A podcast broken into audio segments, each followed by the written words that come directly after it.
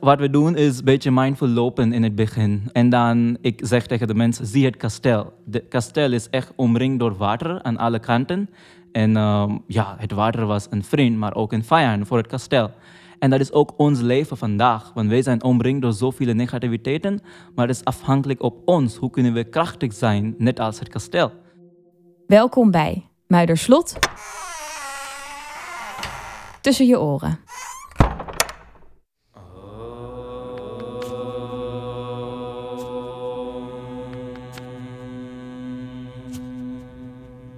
Vandaag luisteren we extra goed naar de omgeving. Zowel de geluiden van buiten als binnen in onszelf. Ik ben Roos en in deze aflevering ga ik op zoek naar de helende werking van de tuinen van het Muiderslot. Een onderwerp dat actueler is dan ooit, met de een na de ander die overspannen is of een burn-out krijgt, en de yogascholen die als paddenstoelen uit de grond schieten. Zelf ga ik twee keer per week naar yogales en ik heb een cursus Oosterse filosofie gevolgd. Een beginneling dus, maar het onderwerp spreekt me erg aan. Daarom vind ik het extra leuk dat ik vandaag yogales krijg van de enige echte kasteelyogi van Nederland. Nitish Sudhir Sundalgegar. Ik ga met Nitish naar de slotkapel van het kasteel. Een plek voor bezinning en hoop. In middeleeuwse kastelen was er altijd een plek waar mensen naartoe gingen om te bidden en tot rust te komen. Er waren altijd problemen en vijanden en daarom was hoop belangrijk. Tegenwoordig geeft Nitish hier elke maand een yoga-workshop. Wat maakt dit zo'n mooie plek om yogales te geven? Ik vind dat deze slootkapel uh, de rustigste plek van het kasteel is. Daarom geef ik hier de les graag. Een plek om zen van te worden dus. En een ruimte waar de echo zo lekker klinkt. We gaan erheen voor een oomgeluid. Een mantra dat ik tijdens mijn yogalessen vaak chant, zoals dat heet. De eerste keer dat ik dat deed voelde het nog wat zweverig en ongemakkelijk. En ik had geen idee waarom ik dat geluid moest maken. Maar inmiddels kan ik het wel waarderen. Waarom maken we dat, dat geluid? Ja, er zijn heel veel verhalen over oom, uh, maar wat is belangrijk om te weten is dat oom brengt ons tot rust, ons uh, lichaam en onze geest. Nou, niet eens. Laten we even bij het begin beginnen. Um, wat is yoga en mindfulness? Ja, de logica van mindfulness heeft te maken in harmonie te blijven met het heden. Wat doe ik? Wat ben ik aan het doen? Wat is mijn gedrag? Wat eet ik? Wat denk ik? En dat is inderdaad verbonden met yoga. Of zou ik zeggen, yog, dat is eigenlijk de correcte uitspraak. Maar maakt niet uit als je yoga of yoga zegt. Maar yog komt uh, uit een Sanskriete verb en die heet uh, yuj. En yuj betekent unie, dus vereniging. En wat zijn we hier aan het verenigen? Onze body, mind en spirit. Dus, um, en er is een heel belangrijk boek van yoga, heel uh, lang geleden geschreven in voor Christus. En dit boek heet Yoga Sutra. En Yoga Sutra is echt ja, het boek van yoga. En daar, de sutra zegt, Yoga Chitta Vritti Nirodha. En dat betekent, yoga is het elimineren van mentale obstakels. Dus er is niks uh, zo dat, oh ja, je doet een hoofdstand of je doet iets heel ja, bijzonder. Nee, het is alleen elimineren van het mentale obstakels. En dan ook is er een mooie definitie van yoga van Bhagavad Gita. En dat is yoga karmasu kaushala. En dat betekent, uitmutenheid in karma is yoga. Geef jou 100% in wat je bent aan het doen. Wat mensen denken dat karma is iets negatiefs, maar eigenlijk niet. Het is echt jouw taak wat jij bent aan het doen. Oké, oké. nou, ik denk dat ik hier al duidelijk uit terughoor dat jij zelf ook uit India komt. Zeker. En nou ja, ik kan me zo voorstellen dat je daarvan veel van dit hebt geleerd. Um, hoe ben jij daar met spiritualiteit in aanraking gekomen? Ja, ik kom uit Mumbai, dat is een heel grote stad. Maar we wonen uh, vlakbij een bos, dus heel mooie natuur en zo. Dus natuur speelde een heel grote rol voor mij, meer spiritueel te worden. En ik ben ook opgegroeid in een traditionele hindoeïstische, brahmanistische familie. Dus wij zijn vegetarisch vanaf geboorte, nooit alcohol, nooit gerookt. Dus wij hadden, ik had een beetje in, ook in mijn achtergrond uh, meer spiritueel te worden. En dan, er was ook heel veel focus op oude Sanskriet. Dat is een heel oude taal voor mantra's zingen. Dus ja, zo was ik uh, sinds mijn jeugd al een beetje dichtbij yoga. Ja, dus jij deed in India ook al veel aan yoga, of yoga moet Yoga, ik zeggen. precies. ja. ja, soms zijn er ook les aan de school die mensen kunnen volgen. Um, ja, is heel beroemd. En hoe is dat dan nu in Nederland? Jij woont hier nu twee jaar, toch? Ja, twee jaar. Ja, en, en wat betekent spiritualiteit eh, ja, voor jou hier in Nederland? Ja, goede vraag. Ehm, ik was hier als een student uh, twee jaar geleden en ik was hier al twee keer als een toerist, maar uh, om echt leven was altijd iets anders. Dus hoe kan ik met deze nieuwe, nou, nieuwe omgeving beter, um, ja, beter gaan? Dat was echt voor mij een beetje uitdaging. Maar ja, ik heb, ik heb uh, bepaald dat ja, ik moet mijn 100% geven. En zo ben ik uh, ja, met de Nederlandse cultuur goede dingen geleerd. En uh, ja, dat is ook spiritualiteit voor mij. Ja. Ja. Dus yoga heeft jou ook wel een beetje er doorheen gesleept Precies. in het begin als het best lastig is. Hè? Ja, zeker. land. Meer, meer gebalanceerd te blijven. Ja. Ook. Ja. Mooi. Mhm. En jij bent ook eh yogaleraar. Hoe ben je dat geworden? Ja, toen ik 19 was, ging ik naar Rishikesh. Dat is een stad in de Himalaya. En eh, ja, dat is echt een yoga-hoofdstad ter wereld. En daar zijn ook vele, ja, ik heb, daar heb ik gerealiseerd, er is zoveel kennis dat we niet met onze ogen kunnen zien. Er is zoveel in de natuur, in, ja, met deze houdingen, met alle spiritualiteit. En daar heb ik echt van mijn gurus geleerd. En zo ja, geef ik yogales in mijn vrije tijd, eh, nu sinds zes jaren. Oh ja. Ja. En waarom denk jij dat, dat yoga zo populair geworden is eh, hier in Nederland? Hebben we tegenwoordig meer stress? Of wat Ja. is daar gaande? Eigenlijk, stress existeert overal. Ook in Azië of in Afrika of in Europa. Dat is niet. Ik denk dat mensen merken hier de heel goede effecten van yoga op hun lichaam. Uh, want ja, ik, ik, er is altijd stress en mensen willen altijd iets om ja, beter rust te hebben. Er zijn ook andere dingen die mensen kunnen doen voor rust te krijgen. Maar mensen hebben ook gezien dat met yoga hoef je niet eh, afhankelijk op iets externe te zijn. Want geluk, gelukkig, gelukzaligheid is van binnen. Dus dat merken de mensen. En daarom denk ik dat het populair geworden. Ja, en je hebt eigenlijk alleen een yogamat nodig. En eh Precies, ja. het is best wel makkelijk om te... Heel makkelijk. De drempel is best laag. Ja. En, en wat voor verschillen zie jij in de manier waarop we in Nederland met spiritualiteit omgaan en hoe ze dat in India doen? Ja, eigenlijk heel veel verschillen. Ten eerste heb ik gezien dat hier meer vrouwen yoga doen. En dat was ook interessant, want veel van mijn gurus waren mannen in India. En hier zeggen, oh, yoga is iets voor vrouwen. En ik zeg, nee, dat is niet zo. Iedereen kan spiritueel worden. En ehm, ja, eh, ik moet zeggen, er is ook veel commercialisatie in spiritualiteit. Is een soort van trend. Maar commercialisatie is, is op elke locatie. Daar kun je echt niets aan doen. En je hoeft niet veganistisch of vrij spirit te worden. Dat, zeg ik, dat zie ik ook met mensen. Oh, yoga? Oh, die zijn deze mensen. Maar ik zeg, nee, dat is niet zo. Het is echt voor iedereen. Want we merken hoe moeilijk is het gewoon rustig te zitten. En ja, dat is echt, eh, ja, ik zie dat is een verschil. En, en waarom is dat zo'n vrouwending hier dan? Ik denk, want er is ook veel met flexibiliteit te doen. En misschien, ehm, ja, veel mannen gaan naar gym. Ik ga daar ook. Ik doe allebei yoga en gym. Maar ehm, ja, ik denk, want het is meer van kalmeren ding. En misschien paar mensen, mannen, denken dat, oh ja, we moeten echt ja, iets sterk doen. Maar eigenlijk kun je ook sterk worden met yoga, fysiek en ook mentaal. Dus ja. Een oproep aan alle mannen. Precies, Ja. ja. En nu werk je op het Muiderslot. Eh, waarom is dit zo'n geschikte plek voor yoga? Ja, ehm, nu werk ik bij het Mouterslot een beetje meer dan één jaar. En eh, ik ben hier echt in de coronatijden vorig jaar aangekomen met onze directeur. We waren in gesprek. En eh, we hebben gerealiseerd, ehm, hoe kunnen we mensen bereiken met positiviteit? Ehm, dat is ook heel belangrijk, want ehm, er is zoveel problemen met corona en zo. En er zijn zoveel mensen die hier voor de yogales komen die nooit een museum hebben gezien. Dus het is echt een mooie manier om mensen eh, te betrekken. En op welke plek hier doe jij dan het liefste yoga? Ja, ik doe het in de Prameboomgaard uh, buiten. eh, en, want daar is echt, eh, je hebt dit gevoel in natuur te zijn. En de, de deelnemers vinden het altijd leuk naar het kasteel te kijken. Maar ik vind zelf op de andere kant, dan ben ik echt in natuur. En met yoga, je bent niet aan het ontsnappen van iets. Je bent echt eh, in de natuur, je wordt krachtiger en dan terug naar het normaal leven. Dus eh, ja, het is zo een balans levensstijl. Mooi. En, en vul jij hier dan je hele week met eh, yoga op het Muiderslot? of elk uur een yogales volgens mij niet. Maar wat, wat, doe jij nog voor ander werk hier? ja, hoor, yoga is alleen één keer in de maand, elke tweede zaterdag van de maand. En uh, ja, want wij willen dat echt speciaal houden, niet heel veel commercieel maken. Maar ik ben ook medewerker voor afdeling educatie, een speciaal focus op inclusie en toegankelijkheid.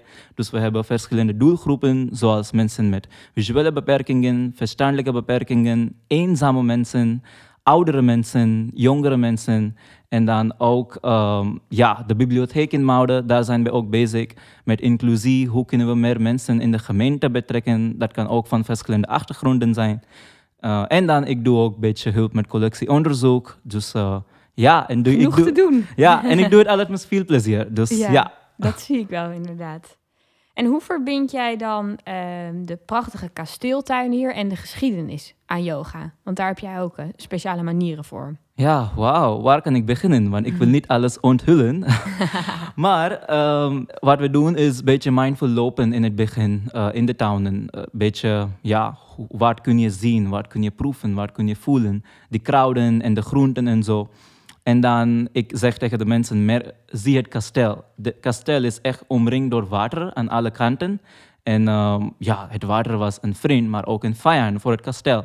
En dat is ook ons leven vandaag. Want wij zijn omringd door zoveel negativiteiten. Maar het is afhankelijk op ons. Hoe kunnen we krachtig zijn, net als het kasteel. Dus uh, zo, en dan gaan we meer diep in de Prameboomgaard. Daar doen we de yoga-houdingen. Veel houdingen die ons kracht geven. En um, ja, en dan is het heel mooi um, aan het einde. En ook allerlei geluiden probeer je erbij te betrekken? Ja, zeker. Ook tijdens het mindful lopen, dat zeg ik tegen de mensen dan. hey, wat hoor je hier? En ook geluid van de wind. Want als je meer boven loopt, dan um, komen er sterkere windgeluiden. En dat was ook speciaal in die tijden, want Utrecht was een vijand voor, voor het Moudenslot.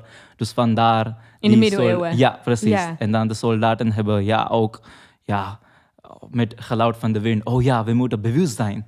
Dus uh, ja, zo maak ik ook mensen bewust. Ja, dus eigenlijk zet je zintuigen op een andere manier in...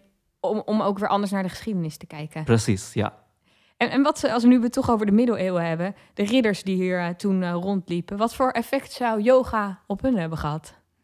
Ja, nou, ik heb op school geleerd dat Napoleon, hij slaapt vaak op zijn paard. En dat was ook een manier voor hem te relaxen. Want hij was zo hard bezig met alles. Dus uh, wat ik zie is dat uh, er is veel onderzoek gedaan met de readers en deze soldaten. Ze hadden slaaptekort, ze hadden depressie. Wat wij zien is, oh, krachtige mensen. Maar eigenlijk, ze hadden wel problemen. Dus uh, ja, wat ik kan zeggen is dat ze waren zeker gebalanceerde mensen. En dat komt met goede ademhalings. En dat is heel belangrijk, want um, nu in Nederland in het leger is het ook yoga geïntroduceerd. Nu dus, in, in het leger? Ja, ja, ik denk twee, vier jaar geleden of zo. Ja, dus um, ja, ik zie dat uh, meer mensen van het leger vinden dat ook leuk. Ja, die hebben ja. daar wel baat bij. Ja, zeker. Nou, en we weten ook uh, uit brieven uh, van PC Hoofd uh, dat hij erg genoot van de tuinen en de pruimenboomgaard op het Muiderslot. Gebruikte hij die tuinen ook om tot rust te komen? Ja, als ik kijk naar dit kasteel, dit was ook vooral in de wintermaanden echt ja, eenzame locatie. En PC Hoofd voelde zich ook dan eenzaam. Daarom heeft hij zijn vrienden uitgenodigd om een mooie sfeer te creëren in de riederzaal. En daarna gingen ze naar de pruimenboomgaard. En uh, ja, dat was echt aan, aan, het einde van de zomer, vooral in einde augustus of september. Daar komen de mensen om meer gelukkig samen te zijn, mooie sfeer te creëren. En uh, ik heb een klein briefje hier van PC Hoofd die ik ga lezen. hij zei, aan me, juffrouw, de Selska Vissers. Ik erbaar mij over onze arme pruimen, die niet in zonneschijn gebeuren mag. Wanneer zal het een zijn dat wij de rijpe geeltjes met haren was onder de blauwe damask zullen zien uitsteken, als staren aan herenhemel. Ik watertande er nu meer na, als ik ze in het oog heb. Dit was van 1632. En dit schreef PC Hoofd aan Maria Tesselschade, ja. een vriendin van hem. Ja. Maar wel meer dan een vriendin, volgens ja, mij. Kan zijn. Als ik dit zo hoor. Heel, heel interessant. hoe, hoe, vat jij deze brief op? Ja, um, hij wilde zeker haar meer um, ja, make her excited, zou ik zeggen. Dat hey, kom naar het kasteel. We doen iets heel mooi in de zomer. Um, wie weet, misschien wil hij iets meer. Ja. Maar dit, dat merk je, hij was dan eenzaam en hij wilde echt goede tijd Ja. brengen met de vrienden. Dus hij gebruikte de tuinen niet meer als, zeg maar, als rust voor zichzelf, maar meer om het geluk met anderen. Ja, precies. Ja, ja. En dat is ook uiteindelijk de bedoeling van yoga, dat je gelukkig wordt met andere mensen samen. Dus eh, de Pramboomgaard is echt een mooie locatie. Ja, nou laten we zo eh, verder praten over hoe wij dat zelf eh, kunnen gaan inzetten. Kasteelkok Siebren neemt ons voor de laatste keer mee de tuinen in. Vandaag staat er een mooie anekdote over geestelijke smulpapen voor je klaar. 4012 broden, 9 ossen, 55 schapen, 8 varkens, 4 wilde zwijnen, grote hoeveelheden verschillende vissen, 200 kapoenen, 690 kippen, 3000 eieren, 580 patrijzen, 270 konijnen, 40 kievieten, 37 eenden, 59 duiven, 4 kraanvogels, 2 fazanten, 2 pauwen, 292 kleine vogels, 300 kilo kaas, 2000 appelen en ander fruit en 11 vaten wijn. Deze enorme lijst toont alle benodigdheden voor een feestelijk middeleeuws banket. Paus Johannes de 22e organiseerde dit banket aan het pauselijke hof te Avignon op 22 november 1324 ter ere van het huwelijk van zijn achternicht. Johannes de 22e werd in zijn tijd bekritiseerd voor zijn verlangen naar de goede dingen in het leven. Een uitbundige levensgenieter. En tegenstanders van de paus zagen dit banket als een gewaarwording van zijn gulzigheid en vraatzucht. Dat de orde der geestelijkheid het niet altijd even nauw nam met de door hen zelf opgeschreven strenge regels met betrekking tot het nuttige van eten, ontgingen ook de 17e eeuwse dichters Joost van den Vondel en P.C. Hoofd niet. De dichters steken de draak met de Amsterdamse kloosterorde der Katuizers. Ondanks hun strenge regels bekend stonden om hun overdadige leven. Vondel schreef erover. Geen haar is ons gekrenkt, geen overlast gebeurd. Men heeft het klooster nooit in zijnen dienst gesteurd. Wij hebben staag volhard in onze ouden ijver. De boomgaard leed geen scha aan vruchten, noch de vijver. Aan vissen, noch de kerk, aan daller kleinste ruit.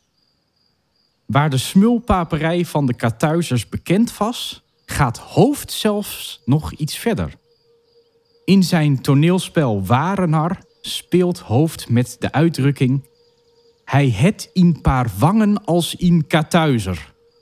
De Katuizers aten geen vlees, wel vis en groenten en kruiden uit de kloostertuin. Althans, dat was de bedoeling. Jij gebruikt mindfulness hier ook om op een andere manier naar schilderijen, naar de collectie te kijken. Eh, hoe werkt dat? Ja, na de yogales gaan we ook binnen in het kasteel naar de schilderij te kijken. En eh, het is echt een nieuwe, niet een beweging, maar een nieuwe manier om naar schilderijen te kijken. Die heet slow art. En dat is echt eh, jou aan te moedigen om wat rustig tijd door te brengen met een schilderij of een kunststukje. En eh, wat ik daar leuk vind, is dat veel mensen, ze hebben niet heel veel kennis van kunstgeschiedenis. En daarom vraag ik, hey, wat zie je in dit schilderij? Wat vind je bijzonder? Wat misschien kun je daar, of wil je ja, eten of proeven of zo? En dan heb je echt verschillende antwoorden. En dat is ook zeker leuk. Want Mouderslot, wij zijn echt een inclusieve organisatie. En eh, ja, het is va- van iedereen voor iedereen. Dus eh, altijd verschillende perspectieven zijn zeker belangrijk. Ja, want ik denk vaak dat mensen best wel zoiets hebben van... ik weet niks van schilderijen, dus ik snap Precies. het niet. Terwijl je ziet van alles. Ja, precies. Eh, dus Ja. ja. je kan er gewoon je eigen dingen zien. Ja, precies. Rustige tijd. Ja. Ja, ja. En heb jij nog andere tips voor luisteraars... voor als ze de volgende keer in een museum eh, voor een schilderij staan? Ja, ik zou zeggen, voordat je een museumbezoek begint, het is ook fijn als je een beetje momenten voor jezelf neemt. Want elk moment is belangrijk, dan ben je echt meer mindful. En ik heb eh, gelezen dat Natural History Museum in Londen, ze doen daar ook yogales voordat de mensen naar de tentoonstellingen gaan. Dus eh, ja, ik zie veel specialisten die dat doen en ik hoop dat, ja, dat kunnen we ook hier meer doen in Maar, Nederland. maar denk je dan, als iemand hier dus binnenkomt... moet hij dan even een paar keer rustig ademhalen? Of, eh, Zeker, voordat ja. je de ruimte binnenstapt? Ja, ehm, ja, probeer te, ja, zich te voorstellen, waar ben je echt? Dit is niet, je wil daar niet alles snel doen. Zodat je echt in het moment... in het moment blijven. Ja. Ja. Nou ja, dan die yoga-workshops eh, die jij hier geeft voor het publiek. Moet je eigenlijk lenig zijn om yoga te doen? Nou, eh, yoga is weer voor iedereen, net als het Mouderslot. Je hoeft helemaal niet flexibel te zijn of zoiets. Uh, soepele kleding werkt altijd beter. En ehm, er is, ja, yoga is geen wedstrijd of zo, want iedereen is anders. Voor mij een hoofdstand is heel makkelijk. Maar voor misschien iemand, dat is heel moeilijk. Ja, Dus voor mij bijvoorbeeld. ja, voor mij handstand is moeilijk. Dus het is echt Oh. afhankelijk op de, op de mensen. Dus Ja. ja. En, en zijn er andere bepaalde mythes of vooroordelen over yoga? Ja, eh, nou, zoals het zegt in het begin ook, dat het alleen voor vrouwen is of voor hyperflexibel mensen is. Of ook voor vrije spirit of veganistische mensen, dat is ook niet zo. En ehm, ja, eh, sommige mensen denken dat ook yoga een religie is. Dat klopt ook niet. Er zijn zeker inspirerende dingen van het hindoeïsme en boeddhisme, zoals mantra's en zen, dat in yoga geïmplementeerd worden. Maar ja, het is echt geen religie. Yoga is heel oud in filosofie. Dus eh, ja, en- en- iedereen kan dat doen. Wat is een mantra? Uh, mantra komt ook van Sanskrit. Mannat trayate iti mantra. En dat betekent uh, ja, wat je echt ehm, in je man, dus in je mind hebt. En dat kun je ja, veel keer zeggen. Ja, En dan merk even je... herhalen. Ja, herhalen. En dan dat merk je effecten op je lichaam. Zodat je ook weer meer in balans komt Precies. door die mantra's. Ja, En andere ja, benodigdheden nog om yoga te doen? Soepele kleding dus. Ja soepele kleding, matje is altijd goed. Ehm, ja, verder niks. Blijf in het moment. En ja, geloof op je lichaam. En welke yoga pose zou jij als eerste leren aan eh, PC Hoofd bijvoorbeeld? Of aan de luisteraars? nou, eh, als ik ja, gezegd heb, ademhalingsoefeningen, die, die zijn in Sanskriet zijn die pranayam. En dat betekent ehm, ja, echt channelize jouw prana of die chi, jouw energie. En ik denk dat is echt het begin. Die ja, flexibele houdingen, die zijn niet het begin. Dus ik denk eerst goede ademhalen is belangrijk. Ja, Daarmee te beginnen. ja. zeker. Want die pas jij ook wel toe eh, achter de schermen van het Muiderslot. Want jij bent hier bezig met persoonlijke duurzaamheid, eh, zoals dat zo mooi heet, voor de medewerkers van het Muiderslot. En hoe doe jij dat? Ja, op het gebied van vitaliteit eh, hebben we dit beleid ontwikkeld. Persoonlijke duurzaamheid. En dit vinden we echt noodzakelijk om ons als een organisatie te verhouden tot de maatschappij. Zo delen we bijvoorbeeld ehm, ja, time management tips of uh, yogales aan de medewerkers. En dan elke, ja, we hebben vergadering van alle medewerkers. En eh, die beginnen we altijd met een mooie pranayam en stretching sessie ook. Dus eh, ja, ik zou zeggen, duurzaamheid is ja, je wil iets de wereld veranderen, maar verandering komt eerst van jezelf. En dat is belangrijk hier Ja. om te realiseren. En jij leidt dat dan aan het begin Zeker. van die eh, Ja. vergadering. En, en hoe kunnen luisteraars zelf nog wat meer mindful eh, door het leven gaan? Ja, ik zou zeggen, begin je ochtend met goede oefeningen of zonnegroeten. Krijg positieve energie voor jou. Dan ben je echt heel vers voor de dag.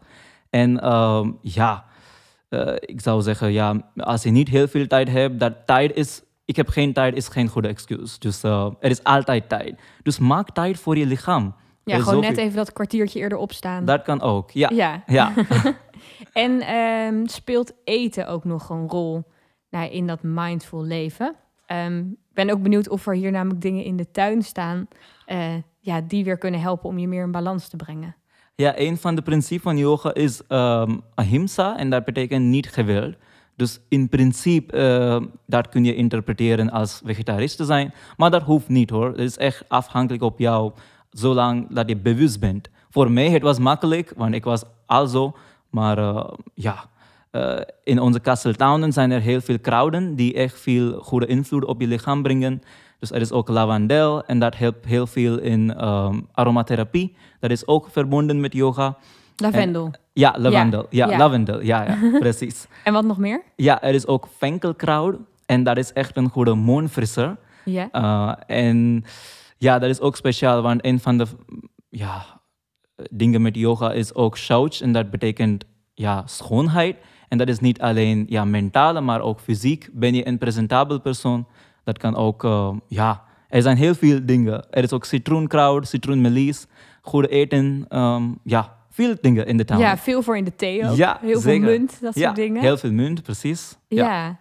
Nou, uh, ik ga zo wel iets plukken uit de tuin om een theetje van te maken. Ja, zeker. En ja. laten we de aflevering uh, in stijl uh, afsluiten. Want hoe eindig jij altijd een yogales? Een ideale manier om yogales te eindigen is een shavasana, dus een heel rustige yeah. laatste houding. Gewoon op de grond te blijven en dan, ja, paar momentjes. Wat heb ik geleerd in deze les? Waar, uh, waar ben ik flexibel? Waar is er ruimte voor verbetering? Want dat is altijd, ook in mijn Nederlands of ook uh, ja, voor mensen, um, uh, meer flexibel te worden, gebalanceerd te worden, krachtiger te worden, fysiek, mentaal en geestelijk. Dus dat mogen ja. jullie gaan doen, luisteraars. Zeker. En dan namaste, namaste. toch? Ja. Yes. Dit was Muiderslot tussen je oren. Een podcast van Rijksmuseum Muiderslot. Geproduceerd door Goeie Oude Koeien. De soundscapes zijn gemaakt door Thomas Hoonhout. Hij verzorgt ook de montage. Je luisterde naar een aflevering uit de reeks Tuinen. We maakten ook een reeks over kasteel en collectie, een reeks over water en eentje over podium. Alle afleveringen zijn te beluisteren via je favoriete podcast-app. Wil je meer weten over de kasteeltuinen? Kijk dan op muiderslot.nl. Daar vind je ook de agenda vol wisselende activiteiten die het Muiderslot organiseert. Leuk dat je luisterde.